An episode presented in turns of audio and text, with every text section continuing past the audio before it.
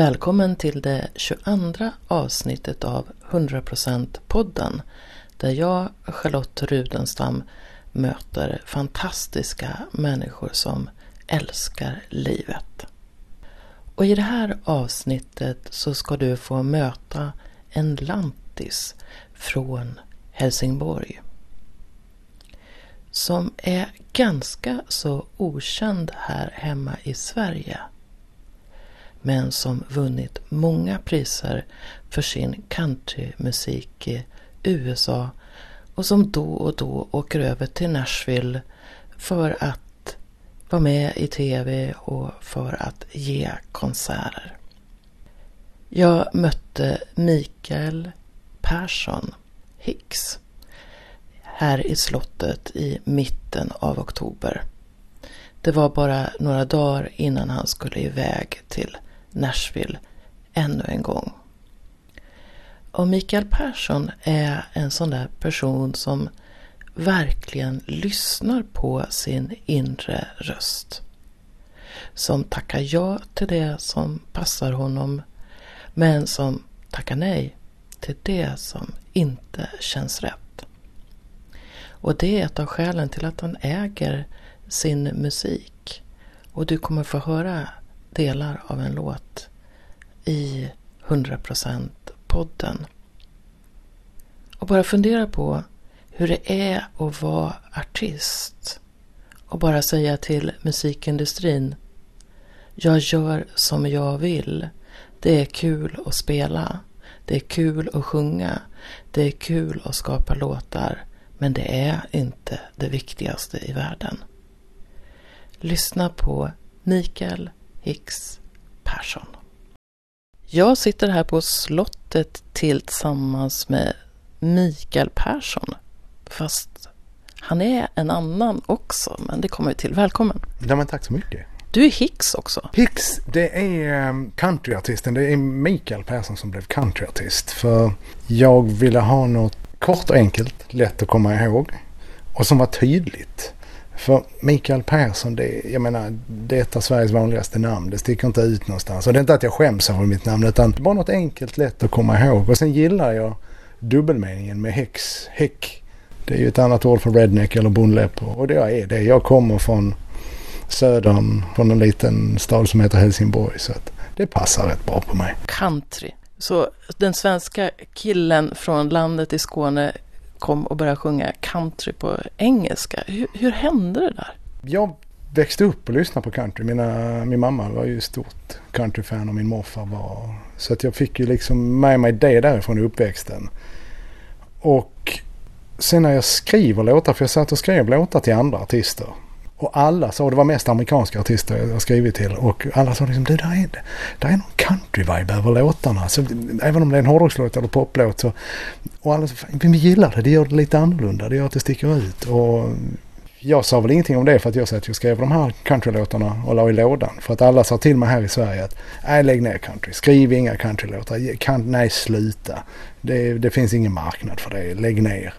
Men jag lyssnade inte på det för jag ville ju skriva dem för det är de som finns inom mig. Så jag skrev dem och la dem i lådan och tänkte att någon dag så eh, kommer de till sin rätt. Och för några år sedan så åkte jag till, eller rätt ganska många år sedan så åkte jag till Nashville och träffade en eh, producent och manager där som heter Ronnie Thomas som har jobbat med alla de största countryartisterna. Tanken var att jag skulle spela mina låtar för honom och att vi skulle skicka dem till hans artister. Och han lyssnade och han sa sen när han lyssnade färdigt på låtarna så att nej de där låtarna ska vi inte skicka någonstans. Och min första tanke var shit, är de så dåliga? Men eh, han menade nej de är inte alls dåliga, du ska göra dem själv. För att du har ett sound där som ingen annan har och det eh, och det är inte så att det är svårt för någon annan att göra det men det, det är så tydligt ditt sound. Så att ska någon annan göra det så kommer det inte att bli på det sättet som du gör det. Utan åk hem till Sverige, gör det på riktigt. Jag lovar dig det kommer att funka. Jag funderar väl på det i fem minuter. Sen tänkte jag liksom, för min tanke var, jag sa ju till honom också, men jag är inte artist längre, jag är låtskrivare, jag har skrivit till alla de här och jag älskar att skriva låtar. Ja, sa men du är artist, det hör jag hur du sjunger och jag ser det på dig. Du är inte färdig med det än, det är bara som du tror. Han hade rätt, för att när jag väl körde igång så kände jag hur mycket jag hade saknat att vara artist själv och När man väl kom ut och började spela live, då var det liksom wow, hemma. Så vad, vad hade du varit för artist innan då? Innan hade jag spelat i rockband eh, och coverband och men liksom varit ute och spelat mycket. Man har kört After Beach och After Ski och men liksom, jag gillar ju att uppträda, jag gillar att stå på scen, jag gillar att sjunga och lira live. Och den här kontakten med publiken, utbyte av energier liksom.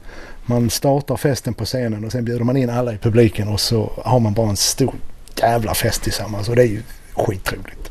Jag tycker det är fantastiskt kul. En sak som jag tycker är lite spännande det är vad händer när festen är slut? Då är man oftast väldigt nöjd och trött.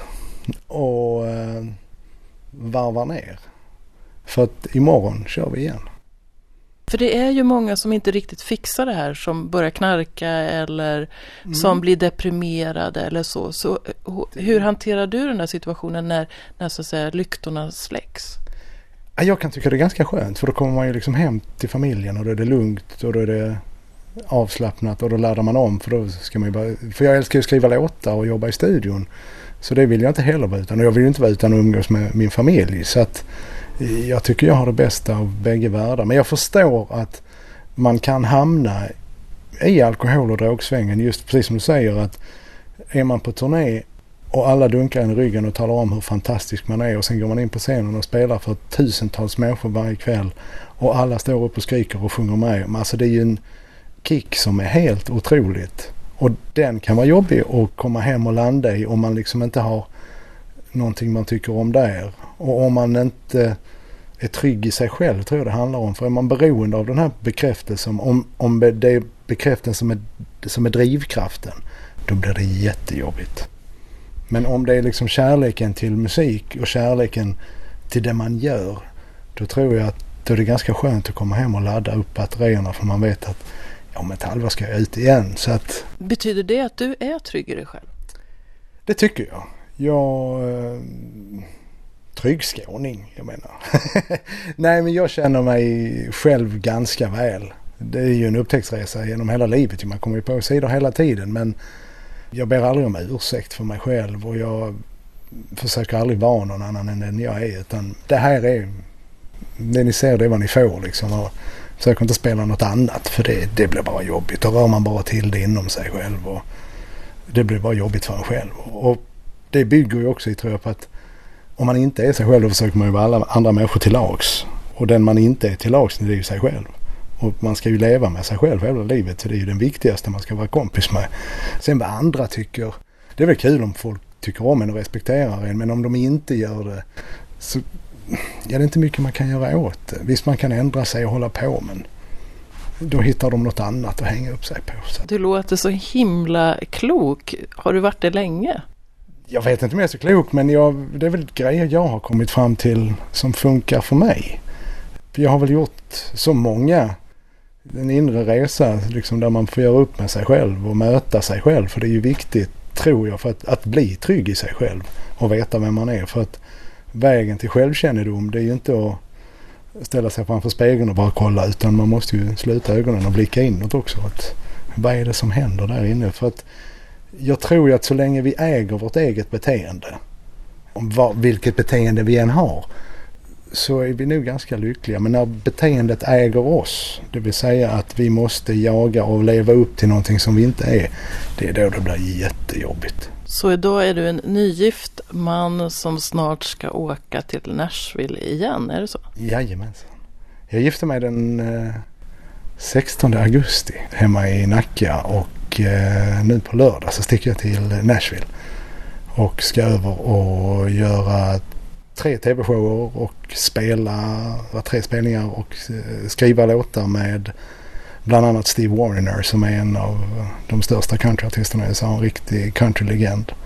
Och ha en massa möte och sådär. Så det, det blir mycket jobb. Det är intensivt när man är i Nashville. För det är ju, jag är där tio dagar bara men det är liksom varje dag. Det är späckat schema.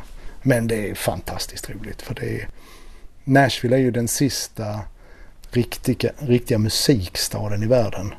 London och New York och Los Angeles. Det, det är inte samma puls i musiklivet där som det var förr. Även om det fortfarande finns ett rikt musikliv där. Men liksom Nashville är ändå mer på riktigt om man ska säga så. Många musiker i USA och från andra ställen i världen flyttar ju dit av den anledningen att där bor de flesta musikerna. Vad, vad är det i själva countrymusiken som du gillar? Framförallt att det är på riktigt.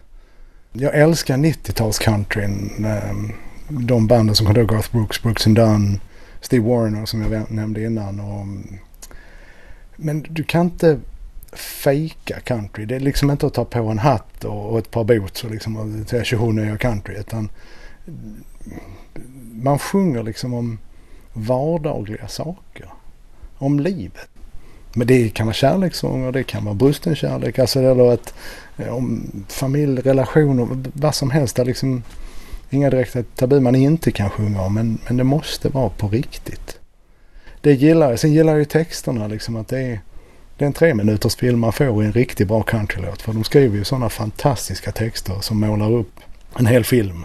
En hel story som man liksom bara försvinner in i. Så, wow. Och hur går det till när du själv skriver? Det vanligaste sättet jag skriver på det är faktiskt i bilen.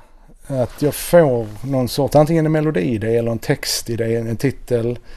Och så börjar jag jobba med den i skallen. Så jag skriver väldigt sällan med instrumenten från början. Utan när jag har liksom en skiss i huvudet eh, på vers, brygga och melodier och, och textidén, liksom vart den ska gå. Då plockar jag upp gitarren och liksom sätter ackorden till och sådär.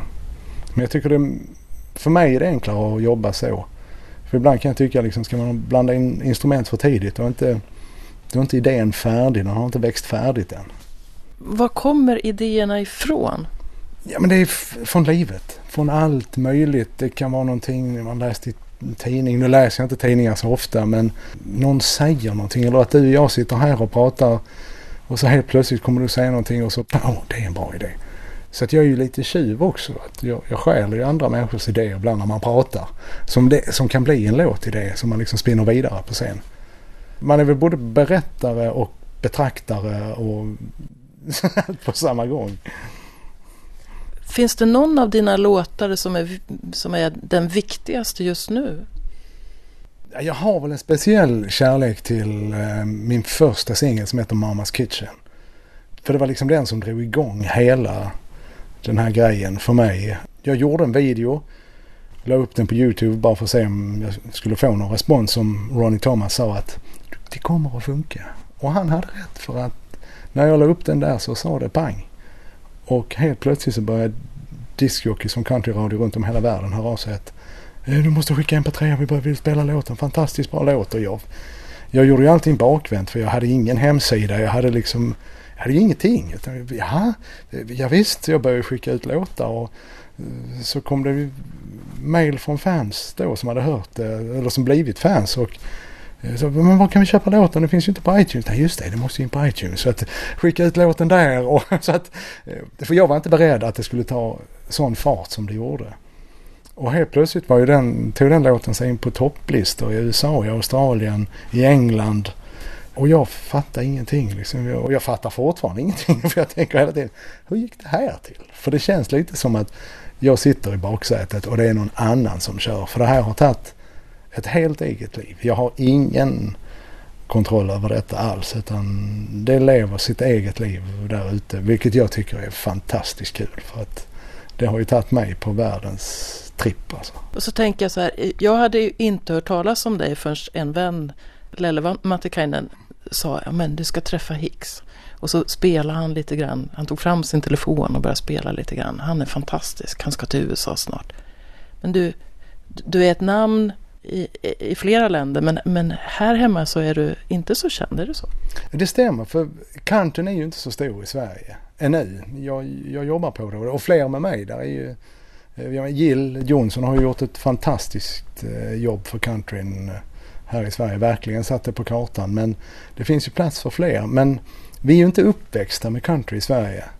Så vi har liksom inte det som tradition. Och sen så har ju media liksom bestämt sig för att och likadant musikvärlden, har ju, alltså musikindustrin har bestämt sig för att nej, country det, det, det finns inte.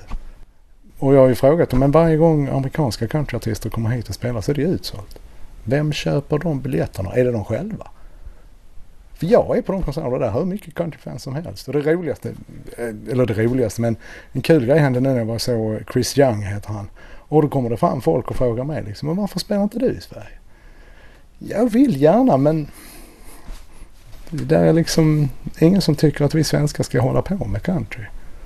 Det ska bli spännande att lyssna på den här intervjun om ett år eller så, så kanske det är så då? Det kanske är, och jag tror att det är så eftersom det börjar ju komma fler och fler internetradiostationer som spelar country. Publiken finns redan. Vi har jättemycket countryfans i, i Sverige. I Norge ännu mer, det är jättestort i, i Norge. Och folk börjar väl liksom upptäcka countryn att aha, oj det är inte som det lät på 50 och 60-talet utan countryn idag, där finns ju allt. Alltså det är rock country, där är southern rock, där är hiphop kallas det. Alltså det är hiphop eh, inspirerad country, där är vanlig pop country och vanlig traditionell country. Western swing, där är hillbilly, alltså eh, där är allt. Det finns någonting för alla i countryn. Du, du, du är verkligen frälst av det här? Jag gillar country. Det är, jag har så otrolig respekt för musiken och musikerna och artister och alla som jobbar med det här. För att det är, det är som jag sa, man kan inte fejka country. Det, det funkar inte utan man måste kunna sjunga, man måste kunna spela. Eh, och ingen kritik mot något annat utan det bara är, jag tycker all musik har existensberättigande för att jag menar så länge det finns människor som vill lyssna på det, då gör man ju någonting rätt. Du, du sitter här i min soffa och så har du på dig en läderväst och så står det President där. Jajamän. Jag är ju president för på ryggen står det ju Hicks och eh, Sweden och sen så står då Hicks Country här på andra sidan. Och jag gjorde den här förra gången eh, jag åkte till Nashville för jag är ju inte så känd, mina låtar är mer kända än vad jag är som person. Visst det är folk som känner igen mig mer där än här i Sverige. Mm, och när man är på stora galor och sånt där och så ser de liksom, åh oh, Hicks, ah!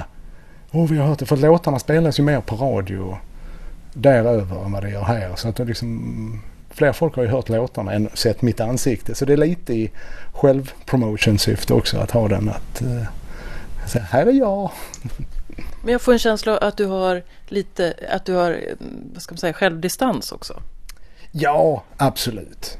Jag menar det är ju, detta är ju inte det viktigaste i livet. Detta är ju liksom hur jag uttrycker mig. Det är ju en del av mig men det är ju inte bara den här delen av mig. Det är ju så mycket andra aspekter av livet som är viktigt också och mycket viktigare.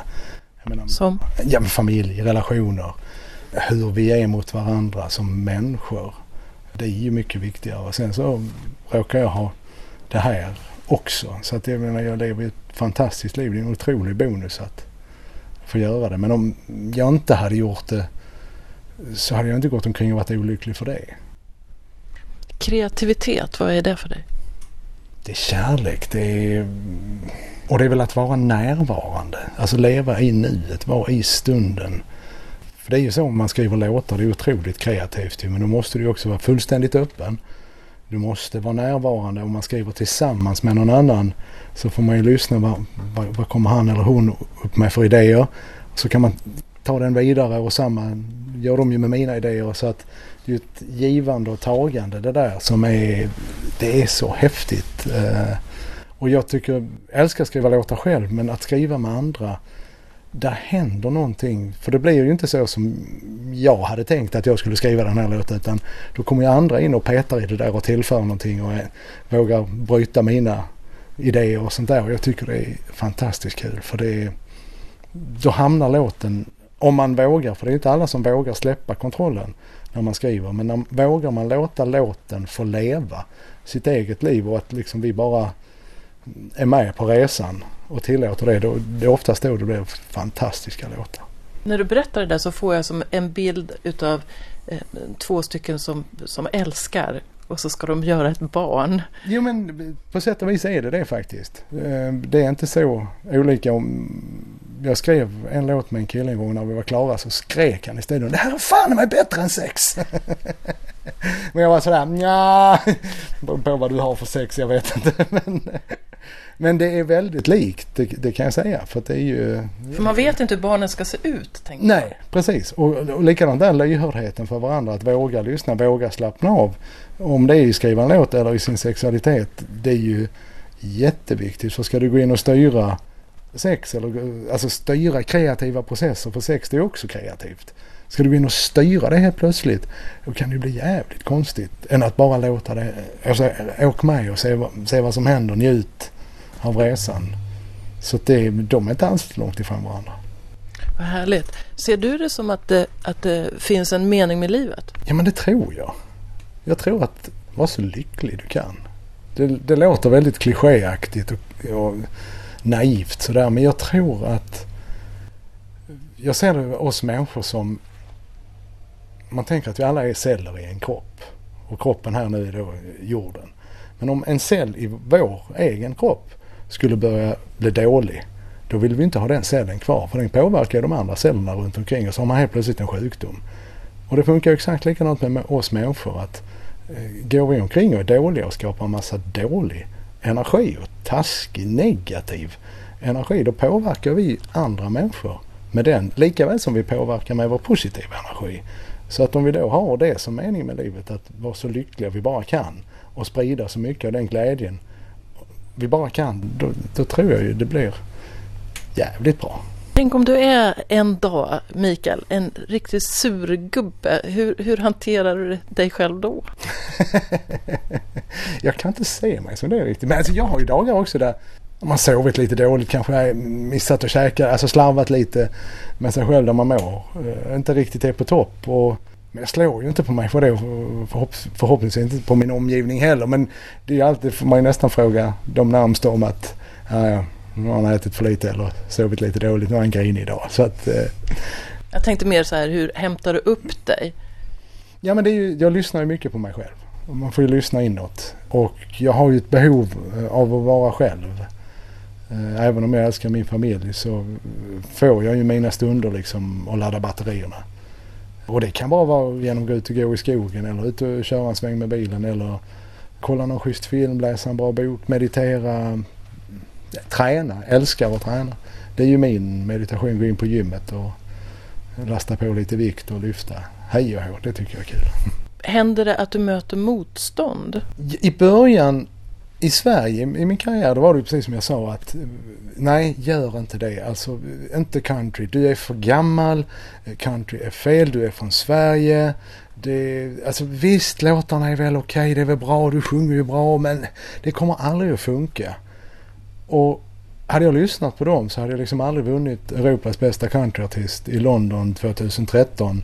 Eh, jag hade aldrig blivit, vunnit, jag har fått massor av priser i Nashville för bästa internationella artist. Eh, bästa nykomling.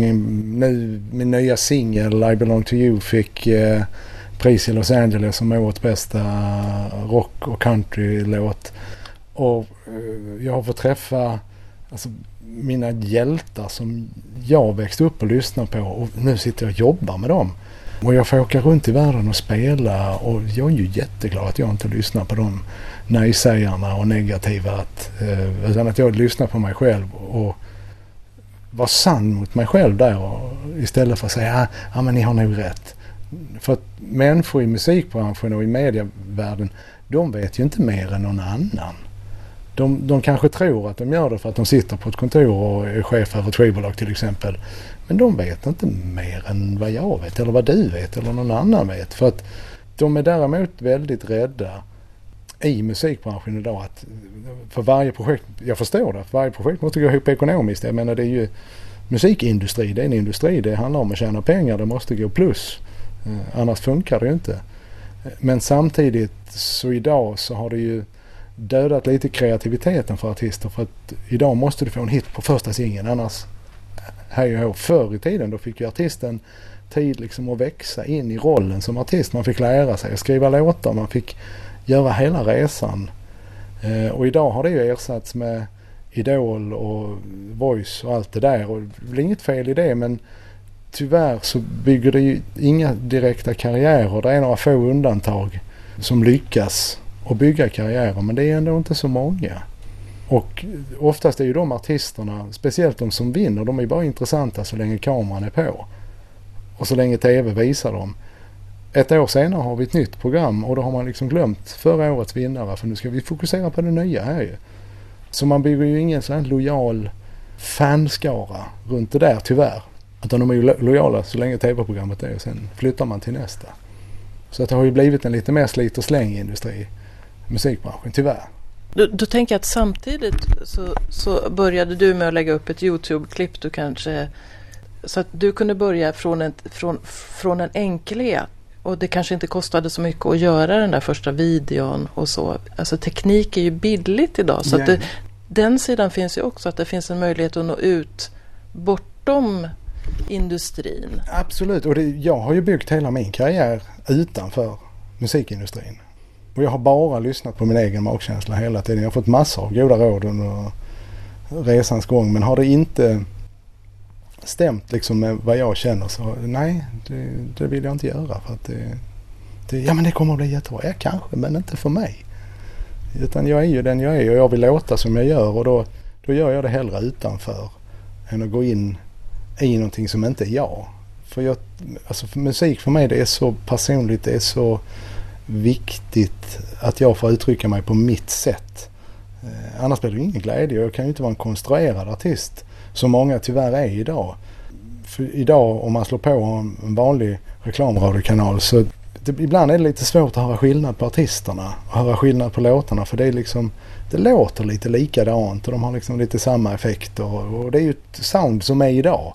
Och det har ju varit så genom tiderna men jag tycker ändå att förr fanns det lite mer personliga artister som stack ut lite mer, som vågar lite mer.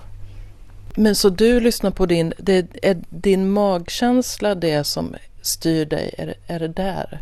Jajamän, i allt jag gör. Även när jag eh, ska gå in och jobba med andra människor så liksom, nej, känns det inte bra så, nej, då låter jag hellre bli. När det känns bra, hur känns det där i magen då? Tryggt. Det känns um, lugnt och fint och det är ingenting som, som skaver. Men liksom när magkänslan inte är med då är det liksom ungefär som att ha en sten i skon. Att, visst, man kan ju fortsätta gå men det, det känns inte riktigt bekvämt. Betyder det att du har utvecklat din intuition? Ja, jag tror min intuition är ganska bra. Sen är det väl det där modet att våga lyssna på den alltid. För ibland så lyssnar jag inte på den och det är, när jag inte lyssnar på den det är då det blir fel. Och det är då liksom att nej, backa, gör om, gör rätt och så välj den vägen som... Jag tänker om du är i en sån där situation när du då gör om, backa, gör mm. rätt precis i det där skärningspunkten när du är tvungen att backa. Hur, hur är det att vara du då? Nej det är inte så svårt att vara jag för det är bara någonting som måste göras för min egen skull och även för andra människor runt omkring mig. För att jag, om jag inte trivs och magkänslan är bra då gör jag inget bra jobb i det och de jag jobbar med där får inte, de kan inte heller göra något bra jobb eftersom jag inte är på topp och inte trivs i situationen. Utan då är det bättre att lämna och bara, än att eh, liksom envist hålla fast i det för att man ska. Utan det är ju, gör alla en tjänst och släpp taget om det inte känns bra. Det blir bara negativ energi av det. Jag får en känsla av att du är en vänlig eh, människa. Så när du är tvungen att säga nej då, hur säger du nej? Ja, alltså jag behöver, det behöver man inte höja rösten utan det är bara att förklara och vara ärlig.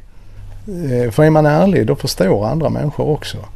Att, eh, och förstår de inte så det är inte mycket man kan göra åt det. Man måste vara sann mot sig själv i det. Och våga säga nej ibland, att, även om det är jobbigt. Förbruka våld på sig själv, det, det kommer aldrig något bra ur det. Jag tänker att du, du är ju en vuxen man idag och så har det här skjutit fart, man säger, det kanske är andra vändan då eh, för dig.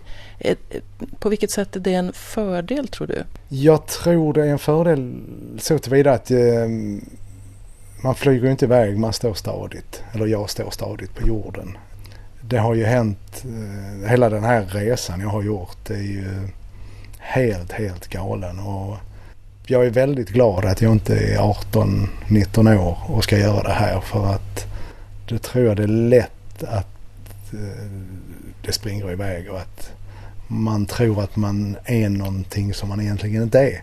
Att det blir så lätt att bli identifierad med eh, sitt artisteri. Ehm, men liksom det, det, är ju det man gör, det är ju inte den man är. Ehm, även om det går hand i hand. Men man ska, kan ju liksom inte gå runt och, och tro att man är på scenen hela tiden och tro att folk ska gå omkring och vara imponerade av en och, och sådär. Utan det är bara, ja, men jag hänger med på min gitarr och, och sjunger och spelar liksom. Det är vad jag gör. Och sen är det någon annan som tillverkar ett bord. Det är vad de gör och det är liksom ingen skillnad. Jag är inte bättre och mer intressant än vad den människan är som gör ett bord. Det är inte lika lätt, du blir inte lika lätt uppblåst av uppmärksamheten så att säga? Nej, absolut inte. Sen tycker jag det är kul. Jag tycker det är, ibland när det händer kul grejer, jag vill bara ställa mig på Globens topp och skrika liksom Wah! att det, Men det är ju för att jag tycker det är så roligt och, och att jag jobbar väldigt fokuserat, jobbar hårt med det men jag har roligt under tiden jag lovar mig själv liksom när jag startade här och det här började ta fart att jag får inte springa iväg och göra grejer som jag inte vill göra. Så jag, jag tackar ju nej till många grejer. Mer än jag tackar ja till. För känns det inte rätt då, då, då, vill jag inte göra det. Jag får inte hänga på gitarren och liksom känna att ah, nu ska jag gå och jobba. För jag tror att när, när det blir jobb eh, på ett negativt sätt då försvinner glädjen. Och när jag hänger på gitarren och ska ut och sjunga och spela då, då måste det vara glädje. Om vi tänker alltså att någon som lyssnar drömmer om, om att lyckas med någonting. Det behöver inte vara artisteri, det kan vara någonting annat. Vad tycker du kan vara bra att, att tänka på då för att inte förlora sig i det där? Att vara sann mot sig själv vilken dröm man än har, om det är att stå och flippa hamburgare på McDonalds eller om det är att man vill bestiga något berg eller vad det det spelar ingen roll. Men bara man lyssnar på den inre rösten vad det är man vill. Och hur hör man den? Då måste man våga stänga av. Man måste våga stänga av iPaden och telefonen och TVn och datorn och blunda och titta inåt och ta reda på vad är det jag vill? Varför vill jag det? Och vad de svaren än är så är det ju det man ska gå på. Att, eh, vi gör ju de flesta saker vi gör, det gör vi för att vi tror att vi blir lyckliga av det. Eh, även när man beter sig illa mot andra människor så tror man ju att det är det man måste göra för att vara lycklig. Det går ju att rätta till det där att man inte behöver bete sig illa. Men det där med att lyssna inåt det är ju...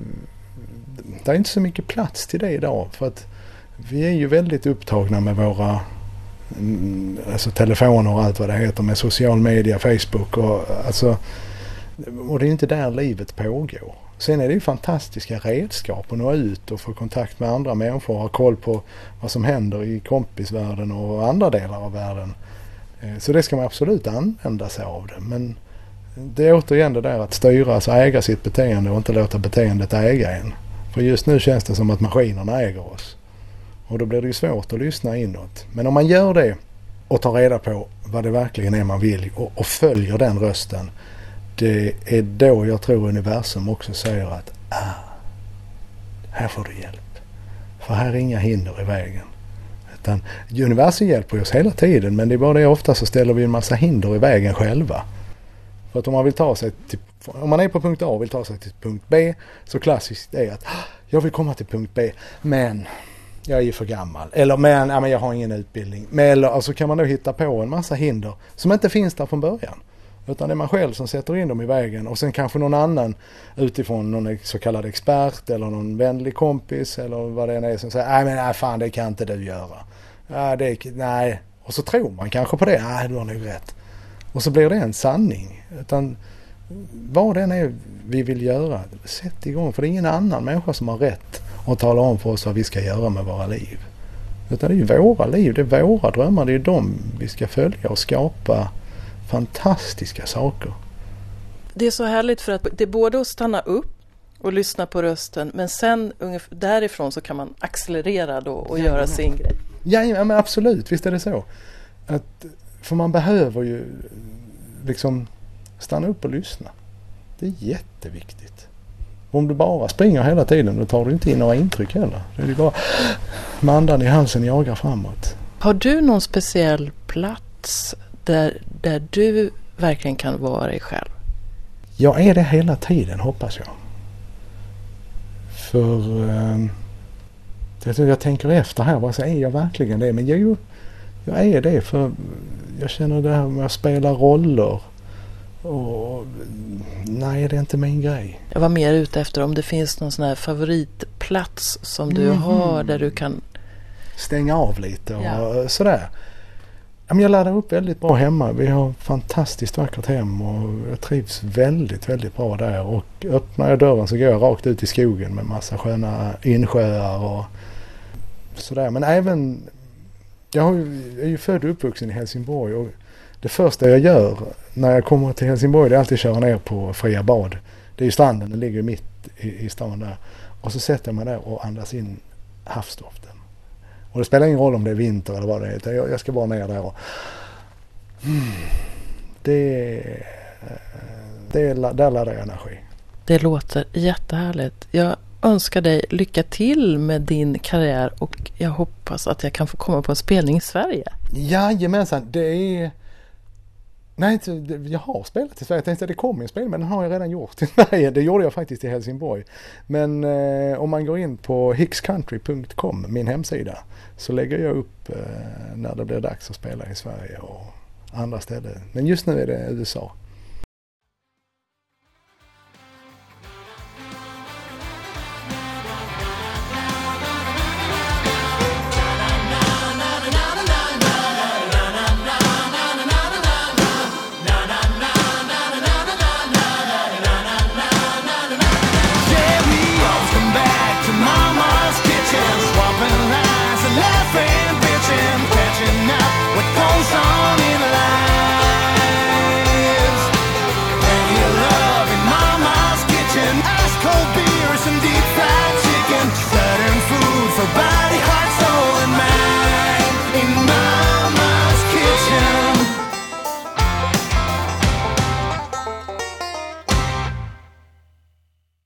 Jag kände mig glad och uppfylld efter mötet med Hicks och satte genast igång och lyssnade på hans musik.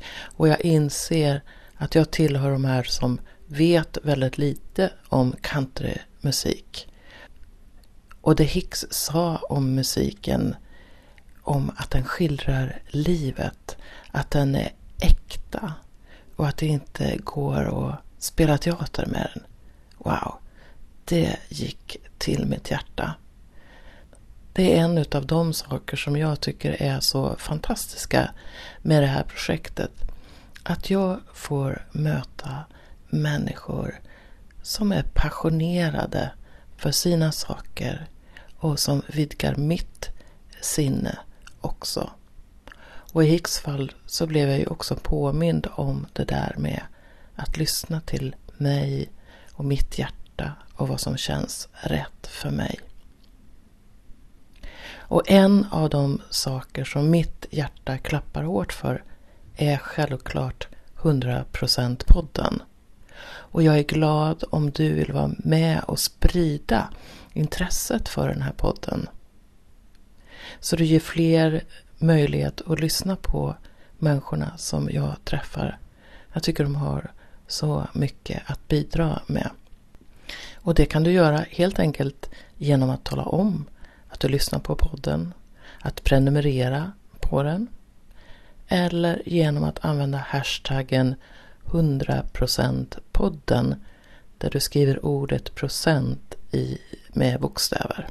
Om du har tips på människor som du tycker skulle vara intressanta att höra här, ta kontakt med mig. Och du, lägg gärna handen på hjärtat en stund blunda och ta ett par medvetna andetag. Du har alltid möjlighet att vara hemma i dig.